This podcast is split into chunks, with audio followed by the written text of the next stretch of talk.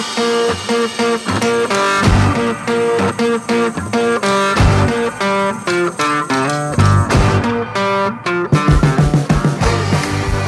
og velkommen til en ny episode av Bakrommet.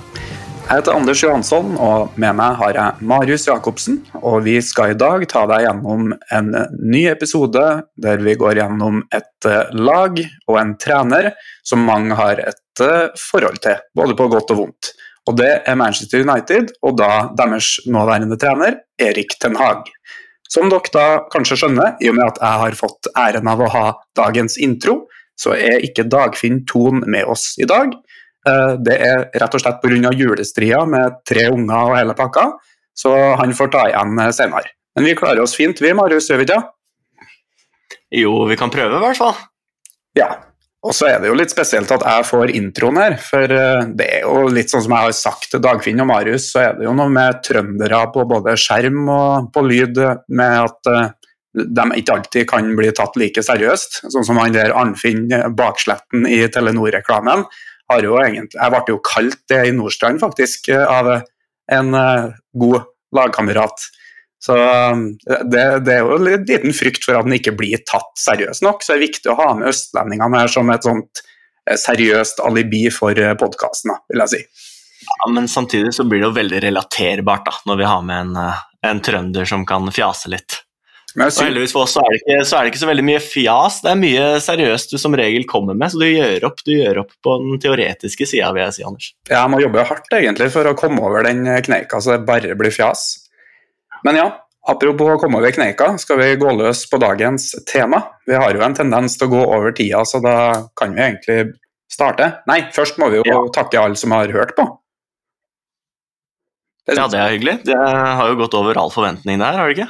Jo, ikke overraskende så ble Rosenborg eh, et eh, hett tema, og veldig mange hørte på den. eh, Og veldig mange fikk òg se den tweeten vi la ut der oppvasken min, eller vasken, ligger eh, rett bak. Og det fikk jeg jo så klart ramsalt kritikk fra fruen på, da. Så i dag, hvis det blir noen klipp, så skal dere se at jeg har rydda bak meg. Og det, det, vi blir litt bedre for hver dag, vi òg.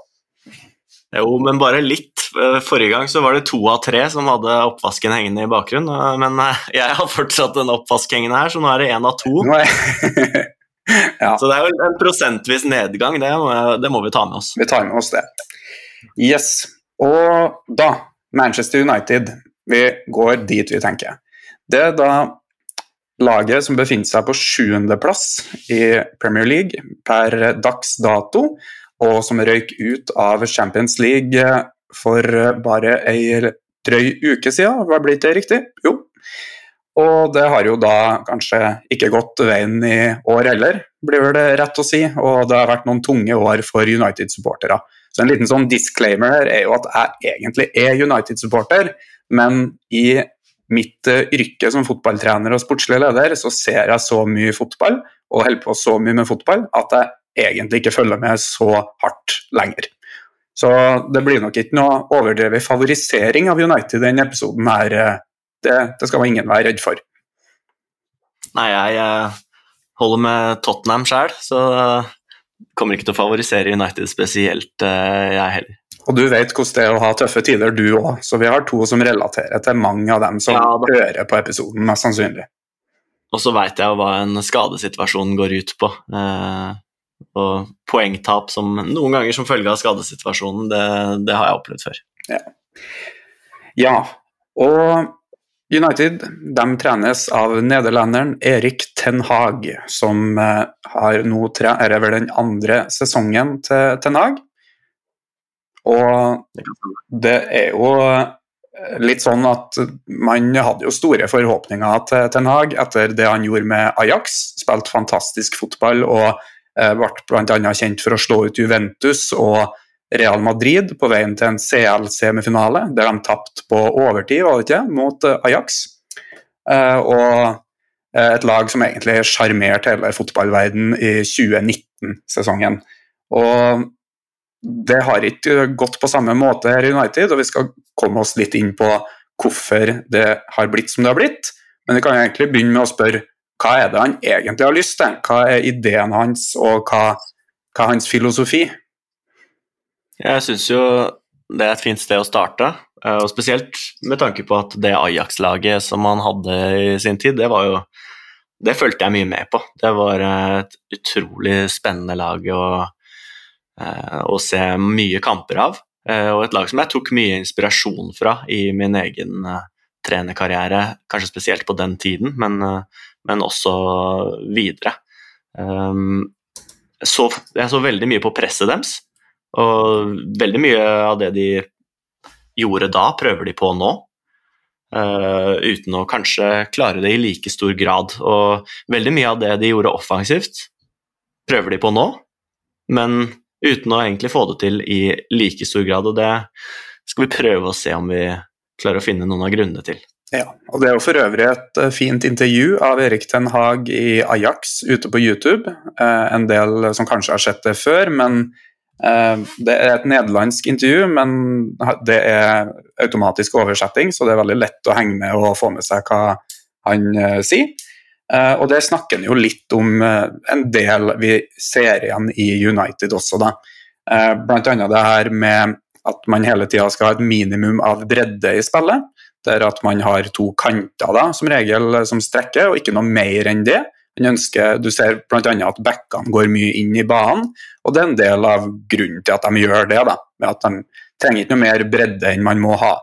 Et annet sånn prinsipp som man snakker om der, og som du òg ser igjen i dagens United, er at man skal ha det man kaller several tens, altså tiere, flere tiere, og at man overbefolker mellomrom.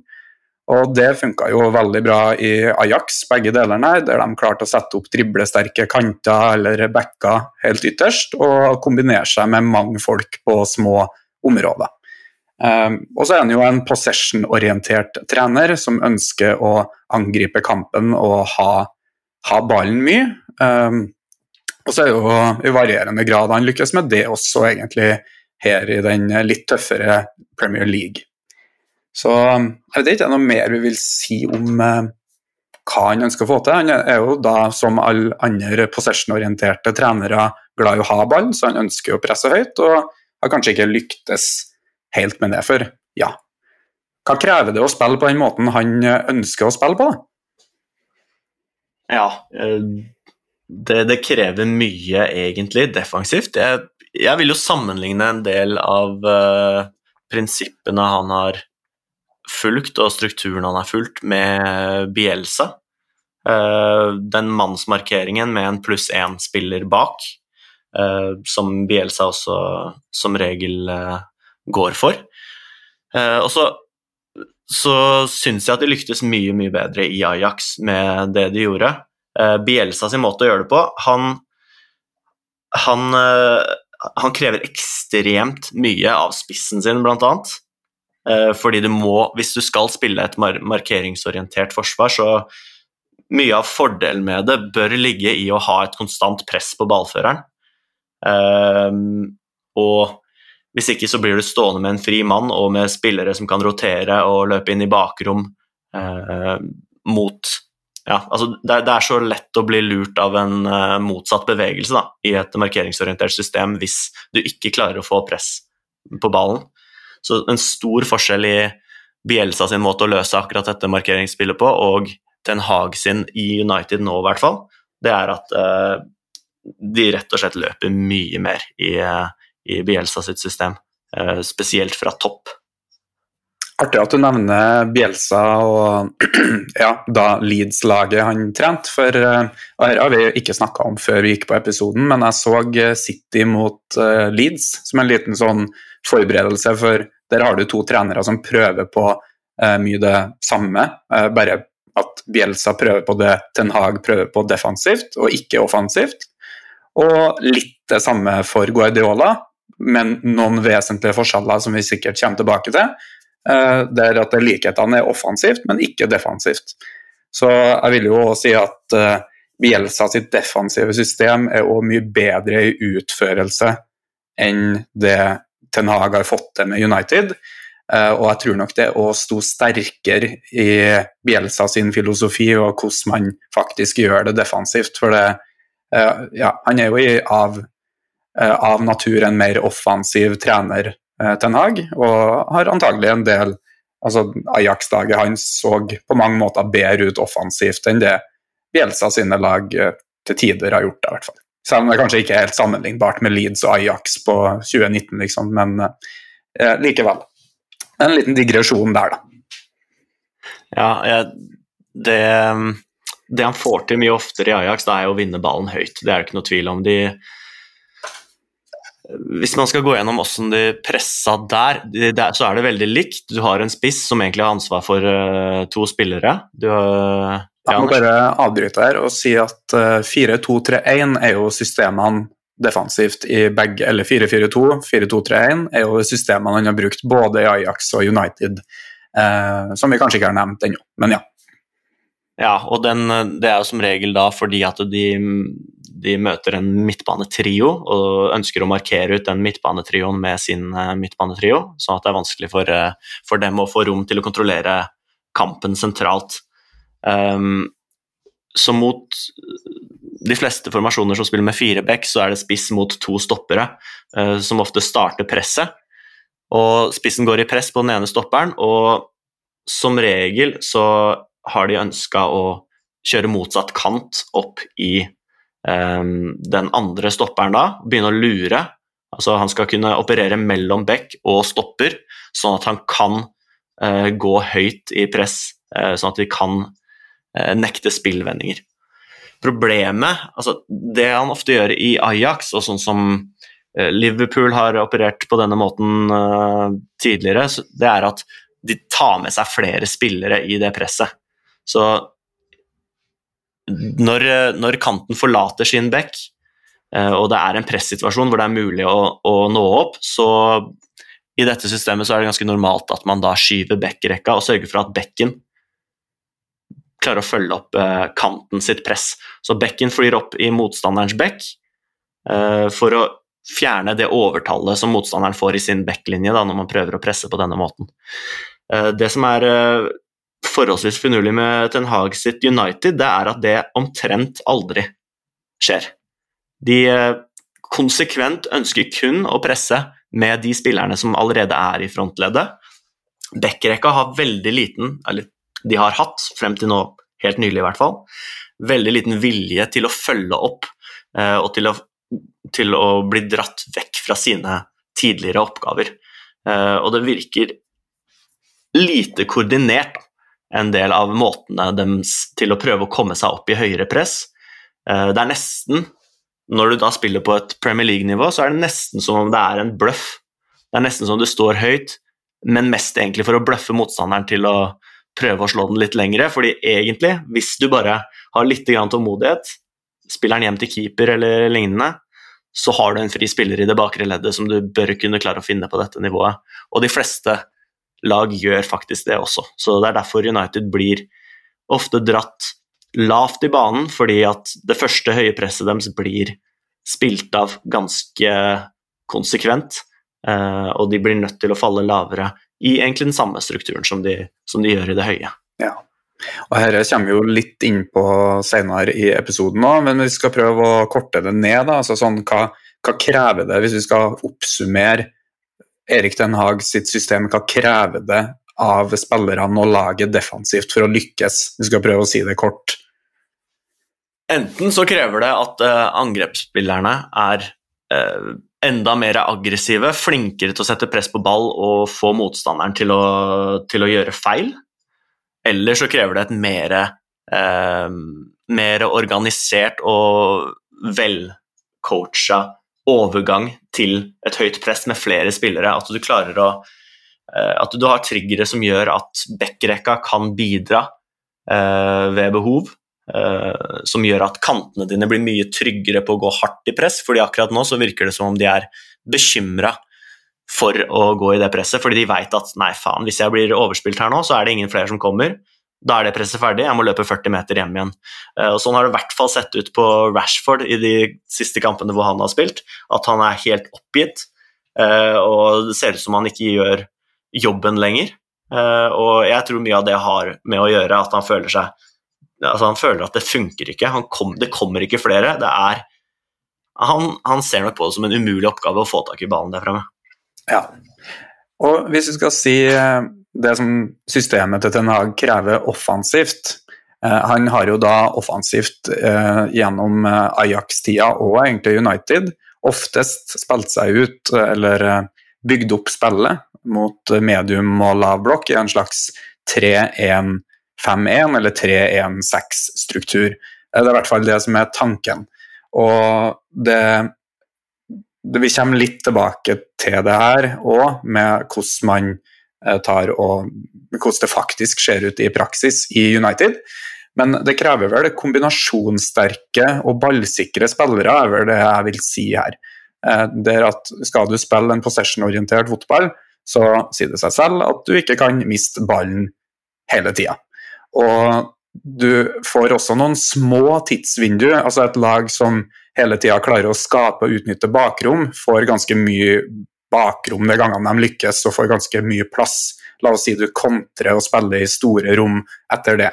Men hvis du skal høvle over et lavtliggende press ved å kombinere deg gjennom leddene deres, så kreves det at spillerne behersker kombinasjonsspill og individuelle aksjoner på veldig små flater.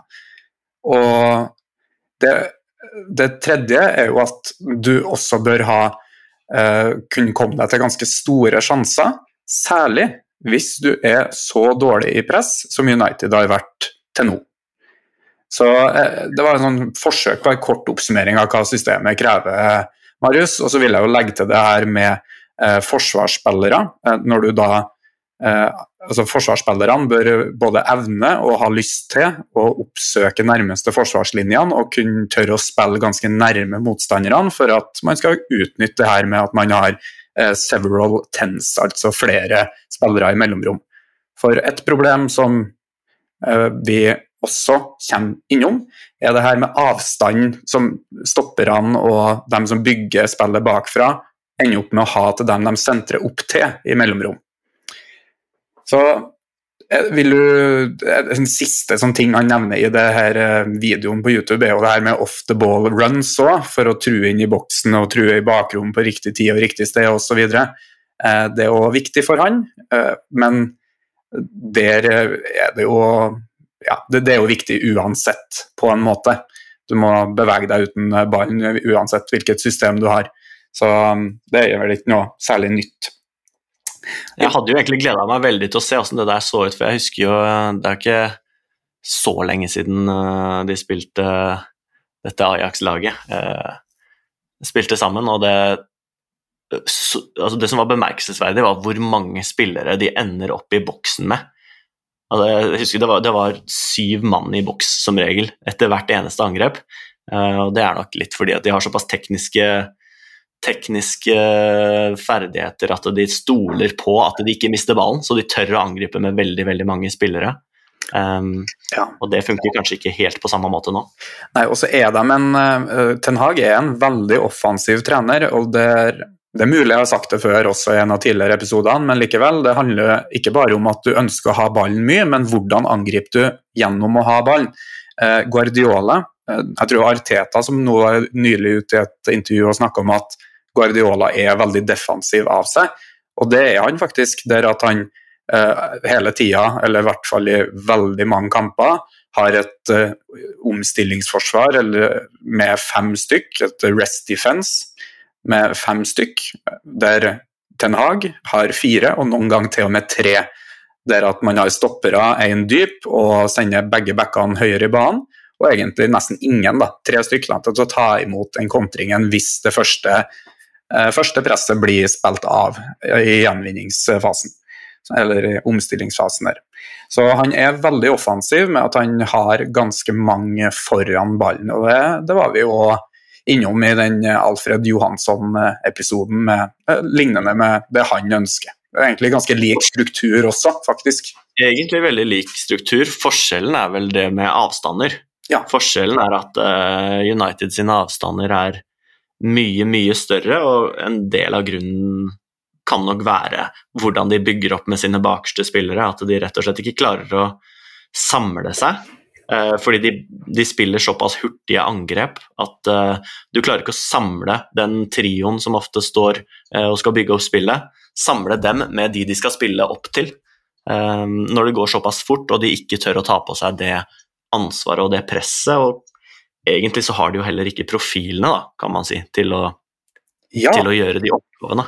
Og det er sikkert mange som sitter og lurer veldig på. Spillermateriale og bruken av spillere, og så er det skadehistorikk, eller i hvert fall veldig nylig skadehistorikk, altså skadestatus, blir det rettere å si. Med at man egentlig hele tida har hatt veldig mye skader. Eh, og det er jo egentlig noe man ikke skal frikjenne en trener for, i hvert fall ikke automatisk. Og man skal heller ikke henge han umiddelbart, eh, for det handler litt om eh, konteksten, og det er umulig for oss utenfra å si. Men det, er jo et ansvar som ligger på trenerapparatet og medisinsk apparat med å holde spillere skadefri og eh, minimere skadene. Så kjenner ikke jeg godt, til det godt nok til å si hva som forårsaker alle skadene, eller om man bare har vært uheldig. Men uh, det er i hvert fall mange skader. Det er det. Og så er det skader så klart på viktige, viktige, posisjoner for å få til de tingene som man ønsker. Um, og det første må jo være nå, nå, er jeg ikke inne i hodet til Ten Hag, så man veit jo ikke hva han egentlig ønsker seg. Men jeg vil jo anta at han ønsker i presset sitt Eh, og klare å få til den switchen med å kunne gå høyere med flere spillere. Eh, men at du ofte ender opp med å ha spillere i bakre ledd som du ikke tør å gjøre det med. At du ikke tør å gå all in. Eh, du tør ikke å skyve opp en bekk, fordi da står en stopper som ikke passer til det. Én mot én mot, mot, spillere på litt større flater enn man er vant til.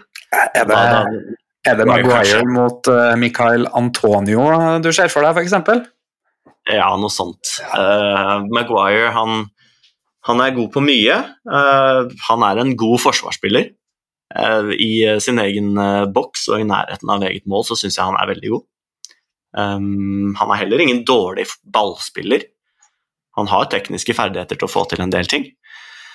Men akkurat det å skulle følge en motstanderspiss Eh, ned på enten ned på e-, egen eller motstanderens 16-meter. Der blir han rett og slett venta hvis han eh, får tak i den ballen. Eh, og så er han da 100 meter unna der han egentlig skal være for å forsvare. Så det kan være en grunn til at Den Haag ikke ønsker at det skal skje for ofte. Eller det å stå én mot én i løpsdueller mot kantspillere, hvis han da ønsker å sende opp bekken sin i stedet. Så er det klart at den profilen passer ikke ikke like godt som det Lisandro Martinez gjør til å gjøre samme jobben. Nei. Og så har du Martinez, du har Victor Lindeløf, du har Luke Shaw som har spilt litt stopper, uh, Varan, Maguire, uh, Johnny Evans.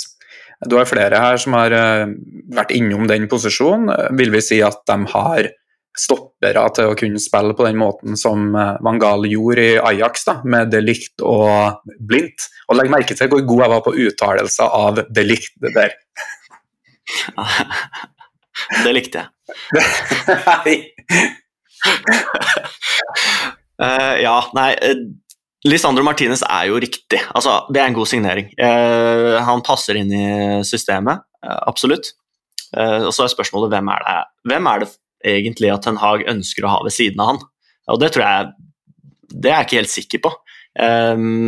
det, ryktet, det ble jo rykta at man ønska å selge Maguire i sommer, og at man kanskje ønska seg en eh, stoppertype til inn, um, uten at det ble noe av. Og jeg, jeg, jeg er ikke overraska om det var tilfellet, at de bare rett og slett ikke fikk tak i den stopperen de ønska seg, fordi det, det, ser ut som noe de mangler. Selv om nå Varan uh, hadde en god kamp mot, uh, mot Liverpool sist, så, så, har han jo ikke fått den tilliten som han kanskje hadde håpa på uh, til å gjøre disse oppgavene, og det må det jo være en grunn til. Selv om han også profilmessig passer ganske bra.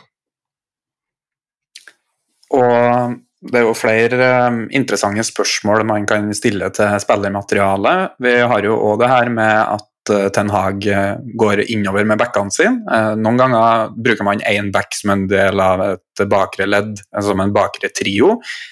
Luke Shaw f.eks. kan du se der. Noen ganger er han òg høyere i banen, det varierer veldig.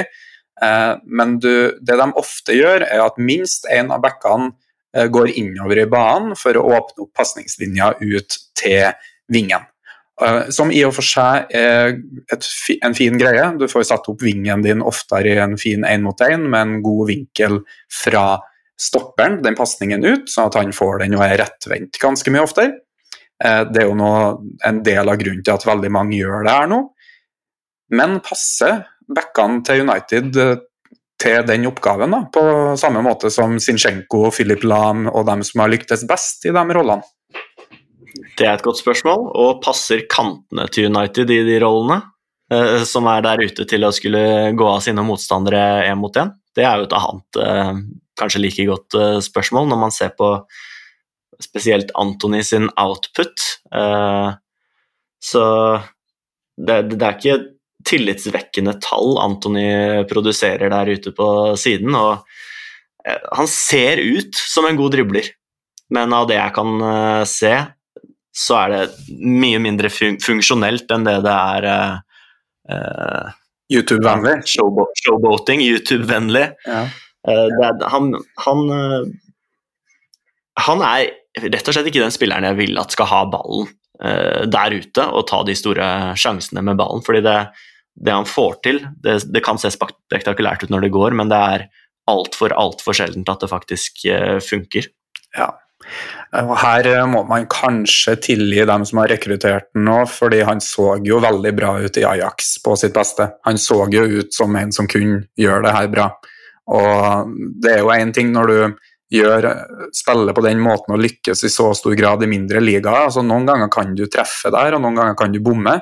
Eh, Neymar herja jo fælt i Santos og fortsatt egentlig bare på samme måte i La Liga. Eh, det har vært en annen historie for Antony. Eh, og ja, som du sier, det har jo vært særlig det siste helt skrekkelig å se på til tider. Og det med at den typen fotball krever at du lykkes Altså, minimum ikke mislykkes med veldig mange av involveringene dine. Altså Jack Grealish i City får jo mye pes for at han bare spiller støtte, men han mister i hvert fall ikke ballen, sånn som Antony gjør. Jeg vet ikke, jeg kaster bare tall ut, men halvparten av gangene han har den. da. Lurer jeg på om jeg nesten er snill òg i enkelte kamper. Så helt klart. Og så har vi jo de sentrale midtbanespillerne. Marius her var jo gøy. Ja, på midten der, så altså, Hvis du skal spille denne her eh, veldig possession-orienterte og posisjonelle fotballen, så trenger du jo midtbanespillere der som klarer å omsette de små fordelene de får. Da. Um, og ja, hvem er det vi har bak der, da? Uh, du har uh, Casemiro, du har uh, Amrabat. Er det noen flere seksertyper i troppen her? Nei, Christian Eriksen spiller i hvert fall dypt. Samme gjør Bruno, men ikke som en ren sekser, nei. nei. Altså, mm. når du sier utnytte de små ja, Når du sier utnytte de små fordelene, så eh, for dem som kanskje ikke henger med helt på den, så eh, er noe av det Marius mener der, er jo f.eks. at eh, Sergio Busquets, hvis han har ja, noen få kvadratmeter på å snu seg og spille videre, så bruker han de meterne veldig effektivt. Han har et lite tidsvindu der han både kan ta imot ballen, snu seg og spille videre, om han da ikke har gjort det på én touch allerede. Eh, der eh, Casemiro f.eks. må ha et større tidsvindu, han må ha en større posisjonell fordel for å kunne utnytte og få til det samme som en Busquets ville ha gjort i denne fasen av spillet. Ja, og det, og det de det de noen ganger prøver på nå, da de, Nå er jo Casemiro ute, de har hatt Eriksen ute, de har hatt Mount ute. Eh, og det er de spillerne som egentlig klarer å spille i de dype, oppbyggende rollene. At de kan ta litt ansvar og kan vende, eh, vende seg i de rommene litt lenger ned i banen, i framrommet, og spille fremover når de får den. Så nå er det ikke så mange spillere som kan spille i de posisjonene der, og da en liten justering som man ofte gjør, spesielt fra keeper, det er at stopperne deres får en del ansvar på å gå opp i de rommene. Eh, det kan være bekker iblant, men eh, man ser ofte at Maguire eller Lindeløf eller hvem enn som spiller stoppere, ender opp med å være på siden av sekseren i de rommene der og blir nødt til å få litt ansvar. De kan få den fra, fra Onana i beina forbi et ledd, problemet der er at de får den forbi det leddet, men de er ikke small space players. De klarer ikke å, å ta hånd om en ball, en ball, på små områder, vende seg, være komfortabel og spille neste pasning fremover. Så selv om systemet og strukturen til Ten Hag iblant funker, så, så, blir det, så blir det fortsatt ikke noe ut av det, fordi at spillerne som er i de stedene som er viktige for å skape progresjon, de takler ikke oppgaven sin og klarer ikke å, uh, å utnytte det jeg nevnte, nevnte i stad, med de små fordelene som man må på det nivået her. Du må klare å utnytte de små fordelene du får, fordi lag er så godt organisert at du får ikke større muligheter enn det. Ja.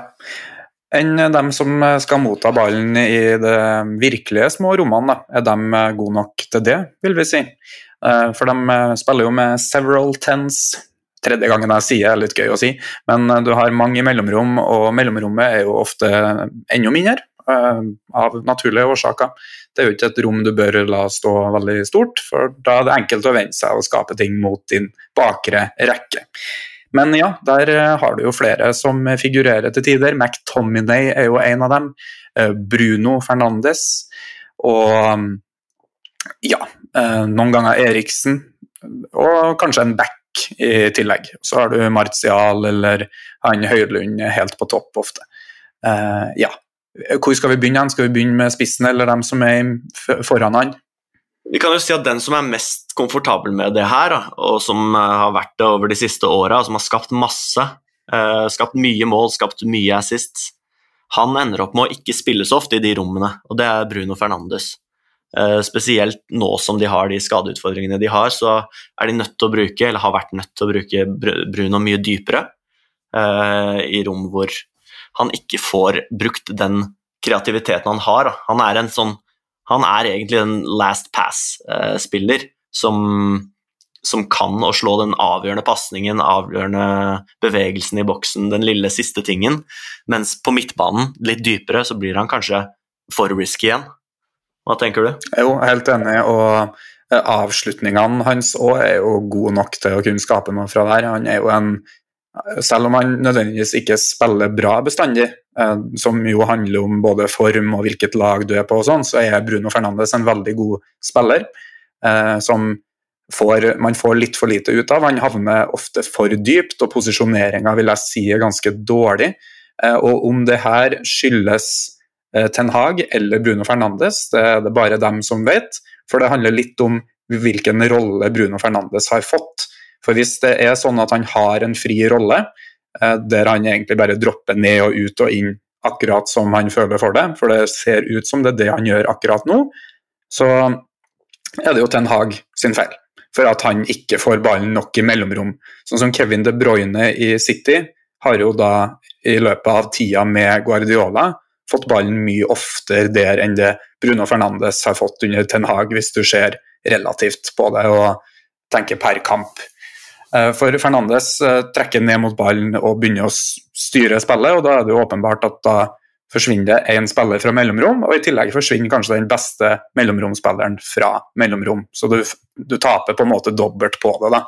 Eh, det du vinner på, er jo at han ganske, kan være ok til å eh, bevare ballen og ta gode valg fra dypt også, men jeg tror den gevinsten er mindre enn det du ville hatt ved å få han oftere på ballen høyere. Så Helt, eh, helt enig i det.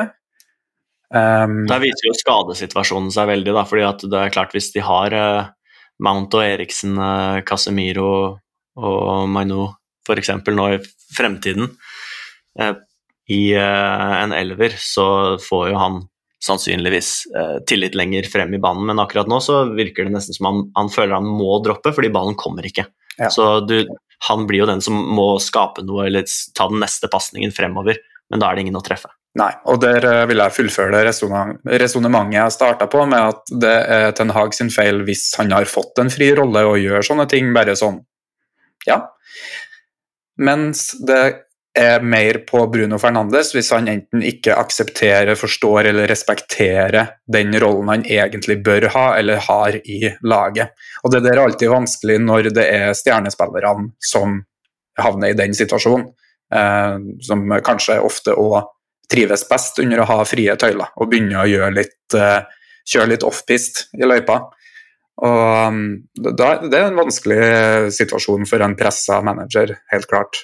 Mason Mount jo Han spilte ikke nå sist, da. Hva, hva, tror du det grunnes? Nei, det, det, kan både være det og hans defensive output, kanskje. Han springer jo faktisk ganske mye, men hvor mye han eh, Han er fortsatt ikke en Sånn som jeg ser det, er det en god defensiv spiller. Han eh, Ja, det er en stor forskjell på han og dem Bernardo Silva f.eks. I, i City, da. Der eh, Silva dekker vesentlig mer rom, flinkere til å bruke skyggen sin.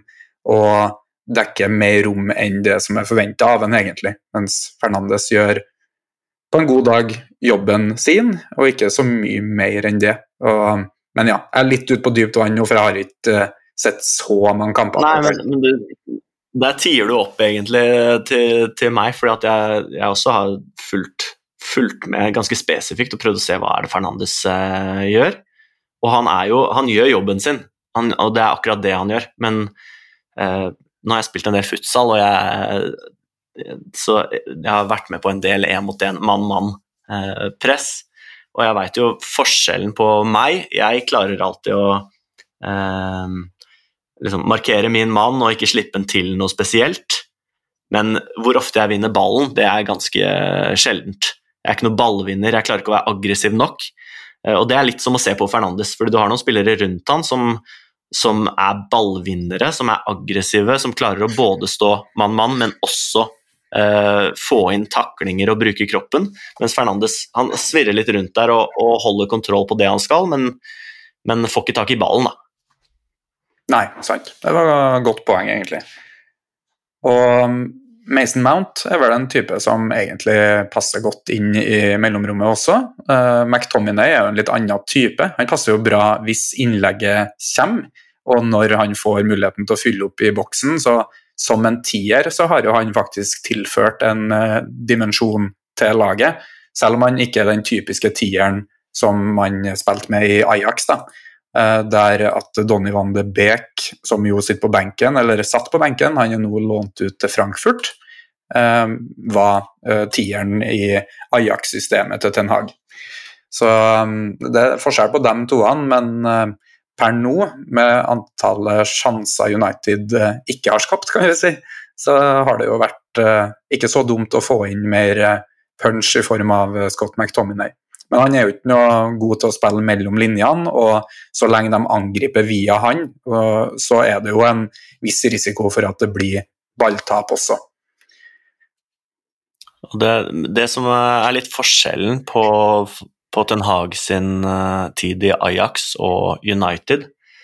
Uh, de tre han brukte lengst fremme, de var mye mer sånn mye mer mellomromsspillere. Så han hadde en veldig smal angrepstrio som gjerne kunne komme inn i mellomrom og være nærme hverandre og kombinere mota på små flater.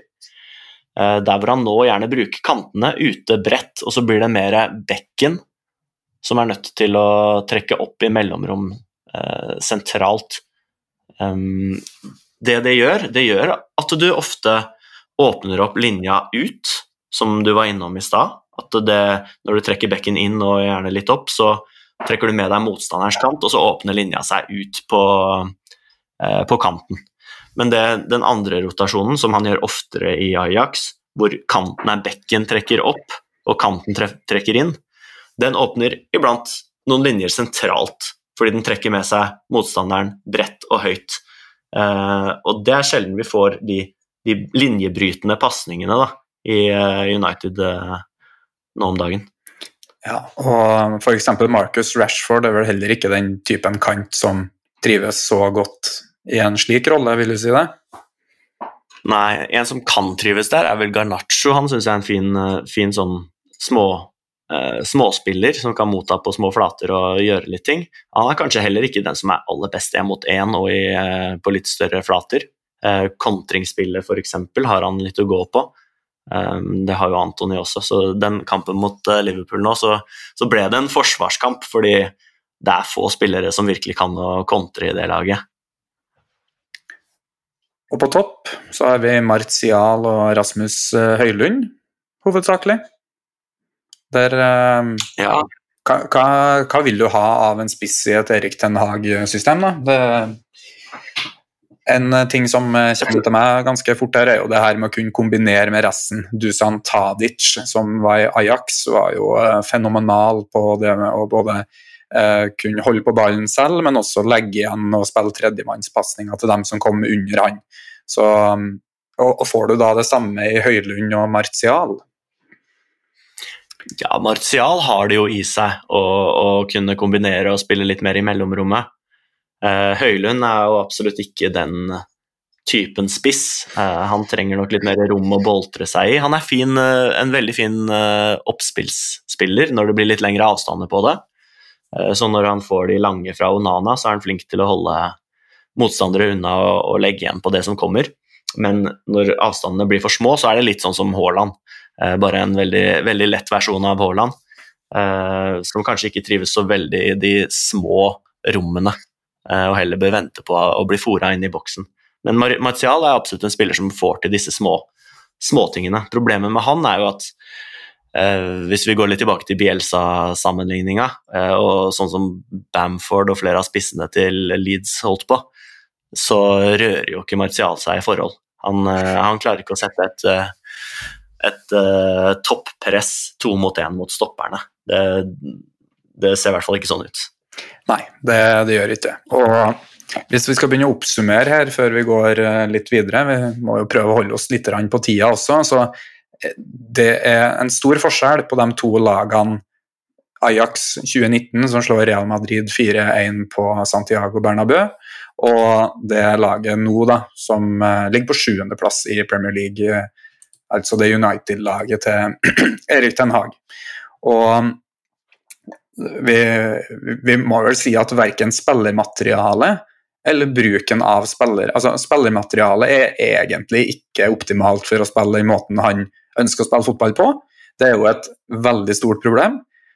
Og den eh, måten han bruker spillerne på, har vel heller ikke vært helt optimal. Kan vi oppsummere, oppsummere det sånn? Ja, det, jeg syns det er liten sammenheng da, i signeringene. Ja. Det er vel en, en, en, eh, viktig ting å ta med. Amrabat-signeringen, f.eks., som du var inne på litt uh, tidligere før, før, episoden her. Uh, den samsvarer jo ikke med en del av de andre uh, signeringene. Og kanskje mangel på riktige signeringer her eh, har mye å si for hvordan eh, dette United-laget har blitt seende ut. Ja, og det er jo vanligvis ikke det vi snakker mest om i denne podkasten, men det er umulig å forbi, altså gå forbi det i dag når vi snakker om United. Og den store sammenligninga er jo Liverpool. Eh, syns jeg. Der du har eh, en trener som har fått sittet over lang tid og fått gjort, vært med og hatt et ord med i laget på signeringene. Og det signeringene har vært i tråd med hans spillestil og filosofi og alt det der. United har jo i løpet av samme periode skifta trenere støtt og stadig, og signeringene som har blitt gjort, har vært mest på navn. Cristiano Ronaldo, Casemiro, Varan um, osv. osv. Heller det enn å Eh, kjøpe til en viss spillestil som manageren man har tenkt å satse på over tid, faktisk passer til. Så er jo, Det er jo et stort problem med sånn spillerutskiftninger. Og grunnen til at kontinuitet, når du først får det, betaler seg så, så godt som det gjør. da. Artetas Arsenal nå, når de først kom over den kneika eh, til han, og Guardiola i City henter jo bare spillere som passer deres system, på samme måte som Klopp gjør. Og da er det jo fort dem som havner i toppsjiktet av tabellen også, over tid. Og det er jo det som er viktig, over tid. Og, så, så, det er på en måte umulig å komme unna det i United-sammenheng. Eh, og særlig den Amrabat, eh, Amrabat-signeringa syns jeg var veldig rar, for der har jo han vært med i prosessen, forhåpentligvis i hvert fall. Og der henter man en sekser som er veldig ulik eh, f.eks. Rodri i City. Ja, nå kan vi ta sammenligning mellom ja, en annen sekser, Casemiro og Rodri, mens vi er innpå det. da. Så bommer Casemiro eh, Når han spiller, så bommer han på ca. 20% av pasningene sine. Og han spiller mange færre pasninger enn det Rodri gjør i løpet av en kamp. Eh, det sier jo litt om han, men det sier også litt om systemet. Så per 90. minutt eh, Rodri, nei, Casemiro spiller for United som da sekser, som har vært hans posisjon, spiller han 48 pasninger. Eh, og treffer på 82,5% ca. Rodri spiller da 102 pasninger per 90. minutt, og treffer på 92 av dem. Det er for meg en vesentlig forskjell som oppsummerer igjen både spillerne som er i vesentlige roller, og jeg tror du har funnet lignende statistikk om du har tatt stopperne til City og mot stopperne til United, men også spillestilen til United, da, der de eh, ja, offensivt ikke får til helt det samme som City gjør, med å komme seg kontrollert forbi ledd etter ledd og eh, skape en sånn trygg og sikker romprogresjon. Yes, så og Da kanskje vi fortsetter litt på angrepsspillet, siden vi er inne på det. For det her med avstander var jo noe vi snakka om før vi gikk på. Og grunnen til at kanskje Casemiro har så mange færre pasninger enn det Rodri har da, per kamp. Ja, det er jo kanskje litt uh, sånn uh, vi også har sett på Rosenborg i høst. At, uh, at avstandene har blitt lange, og da er det vanskelig for et midtbaneanker å få noe spesiell impact over kampen. det blir mye pasninger hjemover igjen hvis, du, hvis, det er 30 meter før du kan finne din nærmeste midtbanepartner. Um, så de avstandene du har i midtbanen er ekstremt viktige, ikke bare offensivt, men i omstillingene dine. Uh, for de spiller jo en ganske um, ambisiøs, da, som du også er inne på tidligere, ambisiøs struktur som, som, egentlig forutsetter at du lykkes, uh, fordi din kontrings, uh, ditt kontringsforsvar er forholdsvis tynt. Ja, absolutt. Og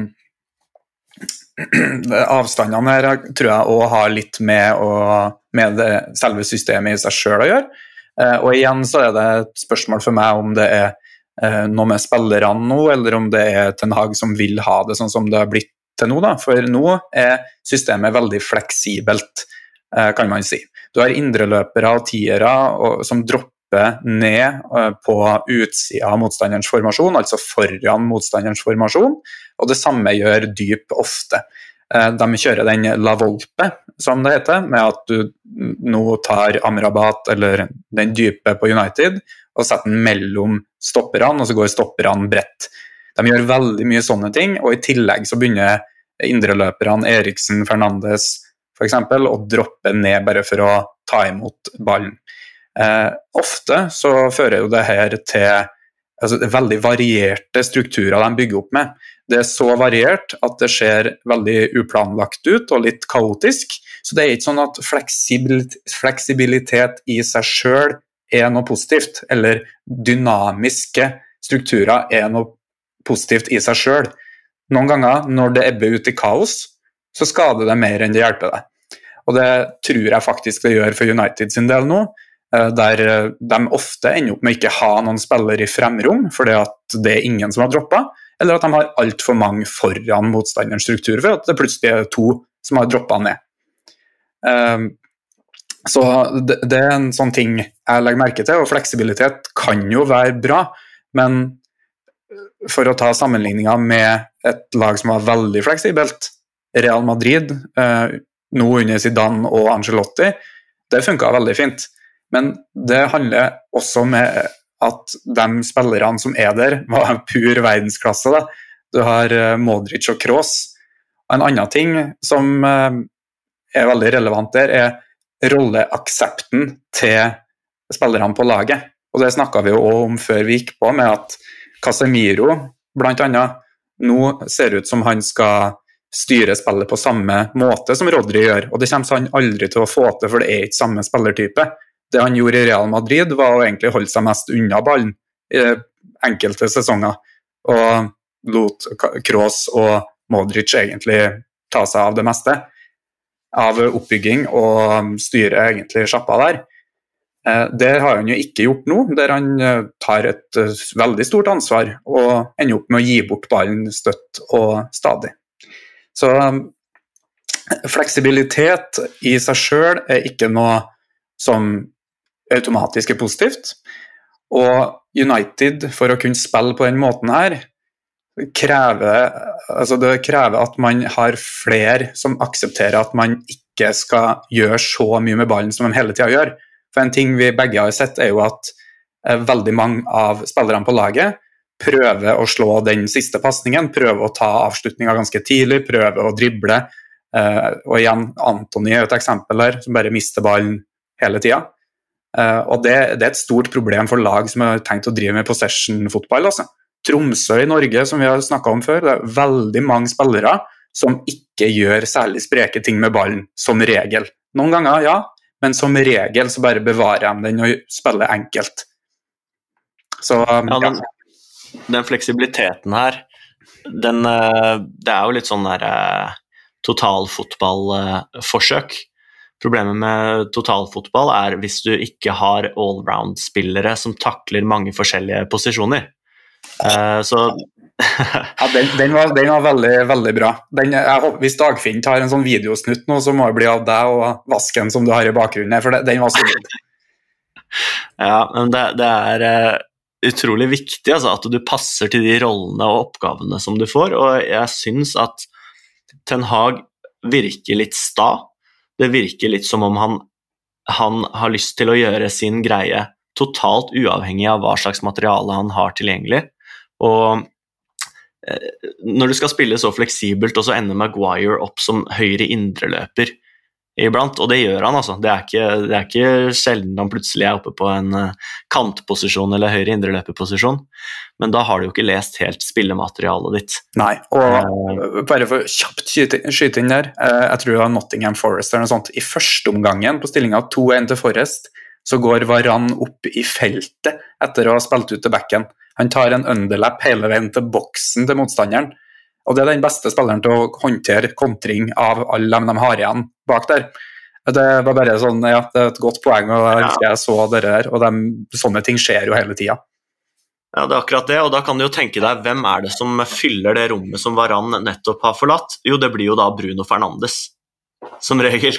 Fordi det, er de spillerne som leser at uh, dette her rommet blir borte, og Fernandes er en spiller som leser. Han, han ser hva som trengs. Hvis, det, hvis, det, hvis noen blir borte, så er jo han nødt til å overta den rollen, men det passer jo ikke han i det hele tatt, å skulle stå og forsvare én mot én mot en lynkjapp spiss, f.eks.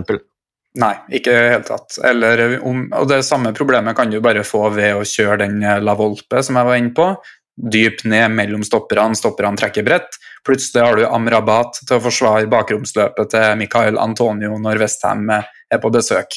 Altså eh, du må, ha, du må ha spillere som mestrer flere posisjoner eller flere roller og flere situasjoner. Og så må du ha det her med både rolleaksept og det at folk må slutte å miste ballen hele tida.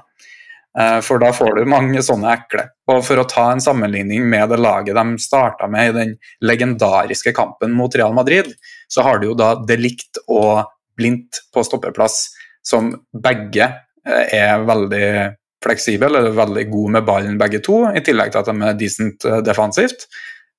Frenkie de Jong, som er den som dropper fra midtbaneleddet. Og han òg er jo en som da hadde spilt både stopper og dyp. Det, det, det, var et annet type lag da, på alle mulige måter. Det er det. Og det, det er jo noen De har noen allround-spillere, og Dette her er jo litt med den uh, staheten til, uh, til Ten Hag. Uh, de har noen veldig bra allround-spillere. Uh, Lisandro Martinez han tror jeg kan være en, en god allround-spiller som kan gjøre mye rart. Hvis, du, hvis han er nødt til å gå opp i midtbaneledd, så skal han nok få til det. Og så har du Shaw, som er en ganske bra allround-spiller, kan gjøre mye forskjellig. Uh, og så har du Dalot, som jeg syns er veldig bra. Det er en uh, fin fotballspiller som kan både angripe langs kanten, i mellomrom, i framrom, som stopper defensivt, så er han god. Og så mangler de kanskje den fjerde i backrekka. så har du Mason Mount, som kan gjøre mye forskjellig. men når du da mangler tre av dem samtidig, så blir det vanskelig å utføre den samme stilen som du tenkte at du skulle. Mm. Uh, og der syns jeg at Ten Hag har skutt seg selv i foten en del ganger med at han han eh, ikke klarer å gjøre de små justeringene som skal til for å få til eh, filosofisk det samme som han ønsker, men strukturelt kanskje litt eh, gjøre det på en litt annen måte. Mm, helt klart. Ja, og det jeg kjenner, Den kynikeren i meg når du nevner Lisandro Martinez, er jo at selv om han er en bra allround-spiller og en bra spiller med ballen, så er han lav og dårlig fysisk. Eh, og Det er jo òg et problem United har i nåværende spillerstall, der de har veldig, eh, veldig få hodespillere, rett og slett. De er jo tannløse når eh, de står inn i motstanderens boks, vil jeg si. Ganske, i hvert fall. Og når de forsvarer egen boks, så ender de jo ofte opp med sjanser imot og uh, skåringer imot. Det er noe de har slitt med. Og det er jo ofte på stopperne du har de høye, store guttene i dagens fotball Og Litt som før, men nå har du jo både i motsetning til at du før kunne ha mange sånne Maguire-typer, så er de bytta ut med Rüdigers og Eder Militao f.eks., som både er rask og høy. Så jeg lurer på om det holder til å egentlig komme til det vante United-nivået fra Ferguson-tida, med, med, han også, da. Men ja. En spiller vi ikke har nevnt, da.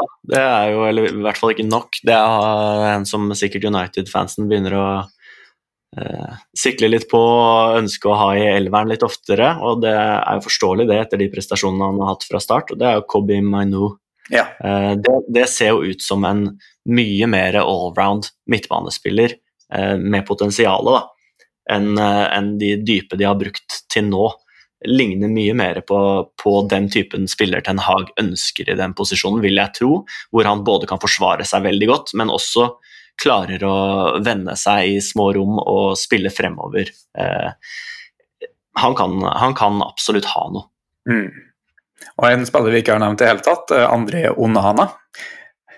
Eh, så det spørs om alle keepertrenerne som hører på poden, bare skrur det rett av eh, og la oss for hat. Han har jo vært jeg vil jo si United nå, det som har vært litt positivt med Ten Hag, og at han har fått den jobben, er jo at United nå for første gang siden Louis van Gaal var her, eller var Paul Trafford, så eh, har de et forhold til etablert angrepsspill, virker det som. Eh, og det er mulig de andre trenerne hadde det også, men det er i hvert fall første gang man har siden van Gaal en possession-orientert stil som er tydelig implementert. da. Eh, I tillegg så ser vi jo noen sånn moderne ting som man ikke har sett på en stund, og som andre lag har vært eh, foran United på, med bruken av keeper, eh, der Onana ligner mer på det City gjør med Ederson, bl.a. Og det med å invertere bekkene og gå inn i banen på en veldig strukturert og ja, gjennomtenkt måte da, på, mange, på, mange, måter. Vi har vært inne på at det kanskje ikke er like lurt med spillematerialet man har, men det er i hvert fall to-tre moderne ting som er for United i hvert fall ja, Man kan si et forsøk på å henge med i tidene, og det syns jeg jo sånn på idénivå er ganske bra. Og så er det bare spørsmål om man burde ha gjort det med de spillerne man har. Sånn som City brukte jo et par forsvarsbudsjett til å få på plass uh, sin elver. Så man skal ikke forvente at Ten Hag bare tryller frem den samme stilen som han hadde i Ajax, og får United til å være et moderne, godt fotballag. I hvert fall ikke begge deler. Hva tror du nå? For Vi har jo sett et par kamper nå. De, de, to siste kampene har jo vært litt interessante hvis man ser på eh, både stil og intensjon. Eh, Bayern-kampen, den, eh, den, likte jeg egentlig, sånn eh, defensivt. Jeg syns at de tar litt større sjanser, og det er jo sikkert fordi at de var nødt til å vinne. Det var ingenting å, var ingenting å tape der. Men jeg syns de har mye bedre kontroll i det høye presset sitt, mye flere tilfeller hvor de vinner ballen, og de går opp med stopper. Stopperne tør å bli med i eh, både Harry Kane når han møter dypt, men også overta en av de tierne til, eh, til Bayern, sånn at de tør å stå mann-mann på femmetere. De tør å tør å sette et press som er litt mer enn en bløff, uh, og vinner ballen ofte på det. Problemet er jo at de har jo ikke kvaliteten til å avslutte de ballvinstene de får høyt i banen, og, eller beholde dem når de, når de vinner den, og situasjonen kaller for å beholde ball. Ja. Og det er en ting som vi sikkert burde ha kunnet snakka mer om. Jeg kjenner jo vi kunne ha prata om i tre timer om akkurat United, for det er jo så mye som foregår der, og så mye å ta tak i. Men det her med sjanseskapinga deres er jo et problem ikke bare mot Bayern, men mot alle lag. De tar jo de lavprosentsjansene med en gang de får dem. Eh, og når du da ja, har vært dårlig defensivt, jeg har vært inne på det, men at da er det eh, vanskelig å skåre mål. De har vel 20 avslutninger mot Bournemouth tror jeg, og har 0,8 i expected goals, taper 3-1. Eh, så det òg er jo en ting med at de, måten de avslutter angrep på er ganske dårlig, og at de kanskje ikke har spillertypene til å verken tråkle seg gjennom til å skåre på innlegg. Det er det laget i ligaen som slår fjerder mest innlegg, men skårer veldig lite fortsatt. Og heller ikke typene til å skåre på så særlig mye langskudd, og sånn som Martial og Antony bare skjøt jo med løskrutt eh, som regel. Bruno Fernandes er kanskje unntaket. Så, og det her med Bayern-kampen er jo litt eh, pussig på en måte, for man, det viser jo litt hvor mye du kan tjene på å gå skikkelig høyt press. Gå, igjen, de gikk jo mann til mann. Eh, Bayern ut i en 4-2-2-2 med brede kanter. Og prøvde å skape en boks på midten der med Harry Kane og Musiala og Goretzka og han Kimmich mot eh, tiltenkt tre spillere, men United kom etter hvert da, hele tida opp med to stoppere. Eh, likevel, og da har du da Sané og Kingsley Coman helt øverst i banen. Likevel så lykkes de. Det sier jo litt, og det er egentlig grunnen til at jeg òg har svart på f.eks. spørsmålet på hvordan du spiller mot Tromsø, med at du må tørre litt mot dem også, er at så lenge du er individuelt ok, så skal du kunne håndtere mann-mann-forsvar ganske bra. Men ja, de eh, gikk eh, høyere, og de, som du sier, de får ikke nok ut av de situasjonene til å vinne kamper. Det, det, er vel kanskje på akkurat der at lag som Bayern er vesentlig mye bedre fortsatt. Mm. Og så, så, Det er jo den ene siden av spekteret, som de gjør det mot Bayern. Og så har du en annen en uh, nå sist mot uh, Liverpool. For det, viser litt at kanskje, kanskje så har Ten Hag begynt å innse at uh, han har en tropp som må gjøre litt justeringer for å få til å funke. I alle andre kamper frem til nå ja, nå, nå, snakker jeg veldig, veldig stort her, da. jeg har ikke sett alt. Så det, alt jeg har sett, da, av alle de kampene jeg har sett til nå, så har han spilt helt likt. Så har han spilt med den uh, strukturen som han uh, Som han er mest komfortabel med, den pluss én-markeringsstrukturen. Og nå, sist, mot Bayern, så viker han fra den. Han tør å gå opp med den siste spilleren og sørge for at motstanderen får det enda tøffere. Uh, mens nå sist, mot Liverpool, så så det litt annerledes ut igjen. Uh, og vi er vel ikke helt sikre på hva som egentlig var intensjonen med åssen presset var, men for min del så så det mer sonemarkeringsorientert ut enn det var ren markering fra, fra midtbanen til United. Det så ut som om eh, det var en mye mer tydelig 4-4-2, hvor, hvor, eh, de to på midten, med Amrabat og Maino, ikke fulgte slavisk sin mann, men kunne hoppe eh, i sin sone til den mest farlige spilleren de, de anså der og da.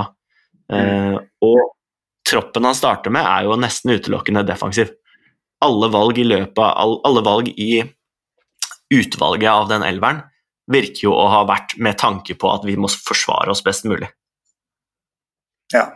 Eh, det jeg noterte meg, og det man kanskje kan beskrive den eh, mediumblokka, den eller eh, middel, halvhøye presset da, til United og lave presset, en slags sånn der et mannsorientert soneforsvar, særlig på midten, der man ser veldig sterk innrømmelse til markering og etter min mening til, i litt for stor grad i enkelte situasjoner.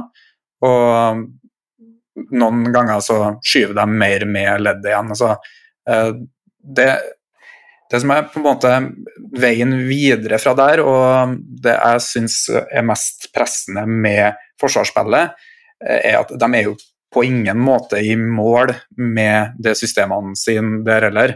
Det er at man Liverpool, selv om de ikke skårer, så har de vel 2,5 eller 2,6 i expected goals, og United har 0,67.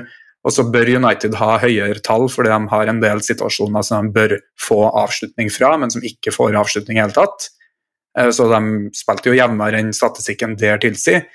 Men i løpet av første 30 så slipper United til 17 toucher i, eh, eller, i egen boks da, for Liverpool sin del.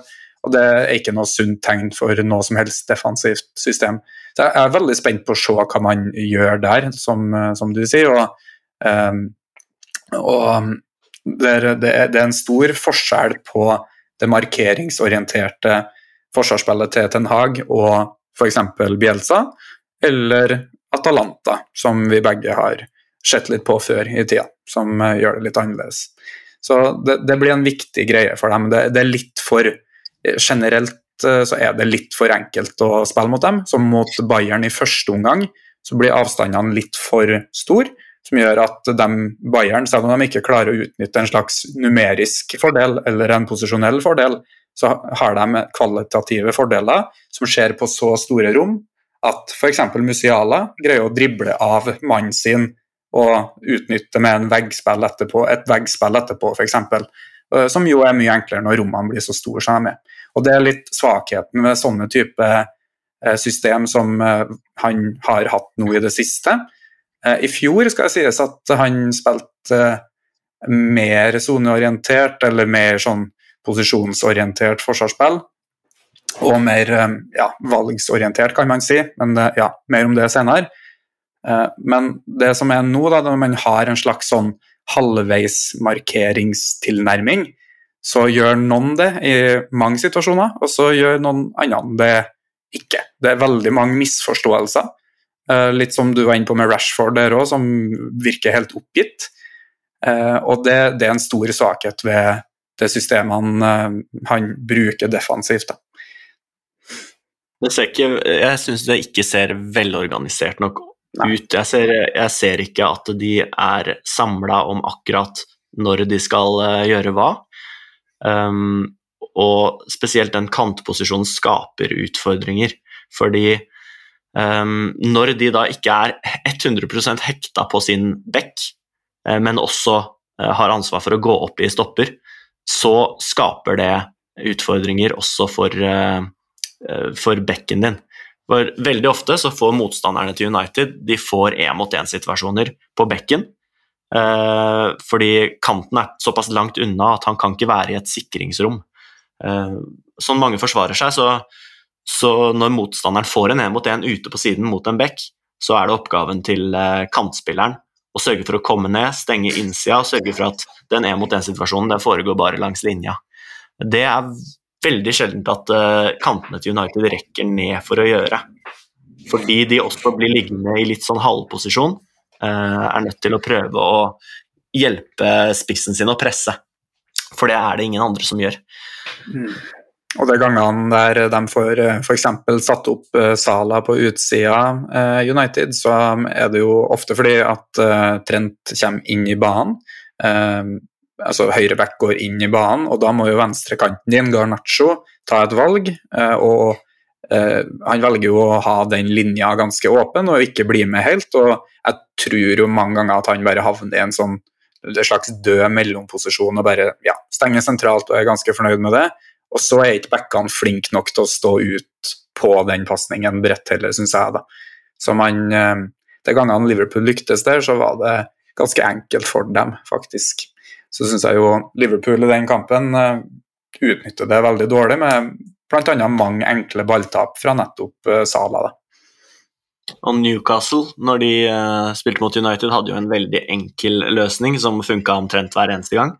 og Det er at når stopperen fikk ballen Fordi stopperen klarer jo stopperne seg imellom klarer jo å spille av spissen ganske, ganske, regelmessig og får en del tid. og Det er den tiden her som er det vanskelige i et markeringsorientert system. Eh, så det som ofte skjer, det er at når da en stopper blir fri, ok, så kjører bekken opp langs linja. Kanten, som da ikke har et 100% ansvar for den markeringa, eh, som det man kanskje som er en annen løsning å gjøre det på, men som ligger litt sånn i mellomposisjon. Han blir å akkurat slippe han. Han er litt forbi ryggen på deg. Det betyr at bekken din eh, blir usikker. Fordi når da kantspilleren til motstanderen kommer inn i mellomrom, som da Newcastle gjør ofte, de bare sender kanten inn og møter for å motta ballen fra stopper. Hvis bekken blir med, så er motstanderbekken har akkurat en liten fordel på Antony eller eh, Garnaccio eller hvem enn det er, eh, og kan bare bli spilt rett igjennom. Så ja. det som ender opp med å skje, er at bekken til United må stå. Han får ikke fullført sin markering, Uh, og da blir motstanderens kant uh, fri i mellomrom, og så kan de starte angrepet derfra. Ja. Så det er sånne, det er sånne små um, uh, ting, eller sånne små misforståelser da, mellom kant og back, som ofte blir utfordringa for United. Ja, og det at kanten ikke markerer 100% er veldig vanlig i sånne system. Med mindre du heter Marcelo Bielsa eller José Mourinho, Eh, og vektlegger det i så stor grad at du ikke får spille med mindre du faktisk følger. Mens Raui spiller jo eh, har jo en situasjon der han blir spilt gjennom av Harry Kane, og Garnaccio følger ikke hele veien. Da blir det åpenbart farlig. Samme med eh, Liverpool-kampen, der de eh, Der er vel først at eh, Jo, han eh, Sjoboslai går på et bakromsløp eh, inn parallelt fra Sala. Så er det Trent og Sala som spiller en liten vegg, mener jeg. Og når du markerer, så er du heller ikke Du bestemmer heller ikke hvor mye plass det blir, i like stor grad som et soneorientert forsvar, da, eller annen type forsvarssystem. Så noen ganger blir det veldig store rom, og hvis da man spiller ut situasjonen med f.eks. en vegg, så er det mye plass for å gjøre det på. Og sentralen, Amrabat, skulle jo følge Sjoboslai i bakrommet der, og der og du havner ofte på etterskudd. da. Eh, de, skal du gå komplett mannsmarkering, så ja, Atalanta er vel skoleeksempler på det per dags dato. Eh, og det er en stor forskjell på United og dem på sånne ting akkurat nå. Et annet eksempel er jo det Eh, altså en, en, annen kamp i helga, Arsenal-Brighton, som var helt ekstrem. Uh, hvor, hvor jeg, jeg, Første gang jeg har sett det, men det er Arsenal spiller rett og slett ut et fullt mannsmarkeringssystem. Og det ser ut som om det ikke er press på ballen, selv om hver eneste spiller egentlig har et mannsmarkeringspress på seg, så klarer de å spille av og beholde De klarer å holde ballen i 10-15-20 trekk med konstant mannsmarkeringspress på seg. Så det var en helt ekstrem kamp å se. Ja, gøy. Ja. Skal, skal, vi begynne å runde av? Et lite punkt jeg vil bare snike inn her med det særlige, altså det spesielt offensive systemet til Ten Hag, for det er det jo. Det er mer offensivt enn veldig mange andre trenere med ball. Og en annen ting han, de ofte da utsetter seg for, er jo store kontringsrom. Og det har vi kanskje ikke snakka nok om, men det er jo en ting de har, kan slite veldig med, og har slitt til dels med. I hvert fall av det jeg har sett. Vi har jo ikke sett alle kampene. Vi har jo vært opptatt med å se Tromsø og FCK U19 og alt mulig rart.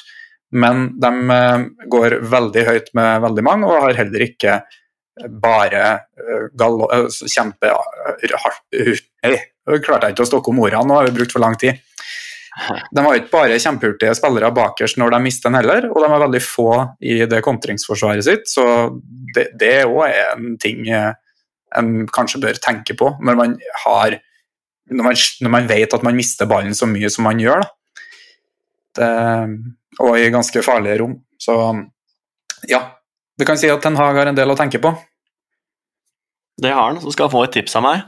Få tilbake spillerne fra skade. Ja, ikke sant. Åh. Det kan også hjelpe litt. Ja, nei, nå må passe på så det ikke blir henta til United her. Mister vi det. yes. Nei, men du, da tror jeg vi har prata nok om United, i hvert fall for en episode én. Ja, jeg tenker vi egentlig bare kan ta den der, og så kan vi ønske alle som uh, hører på, en uh, god jul. Uh, kanskje ikke et godt nyttår, for vi planlegger eh, å få til en romjulsepisode, gjør vi ikke det, Anders? Jo, det er jo mye god fotball som spilles i jula, så det føler jeg jo er på sin eh, plass. Så absolutt. Absolutt. Så god jul til dere, og takk for i dag. Takk for i dag.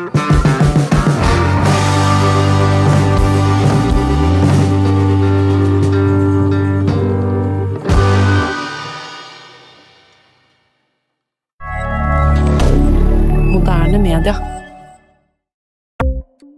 Ukens annonsør er HelloFresh. HelloFresh er verdens ledende matkasseleverandør og kan være redningen i en travel hverdag.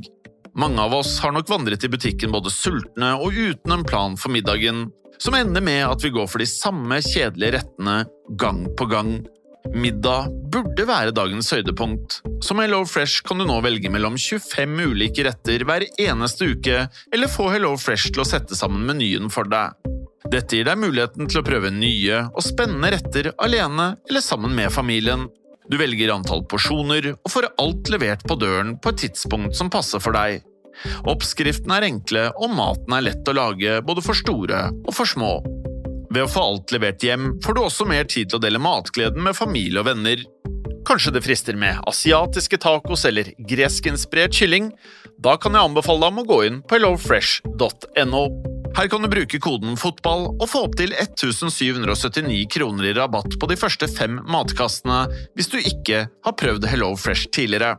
Du kan også bruke rabatten hvis du har vært kunde og stoppet abonnementet ditt for tolv måneder siden eller lengre. Gå inn på hellofresh.no og bruk koden FOTBALL.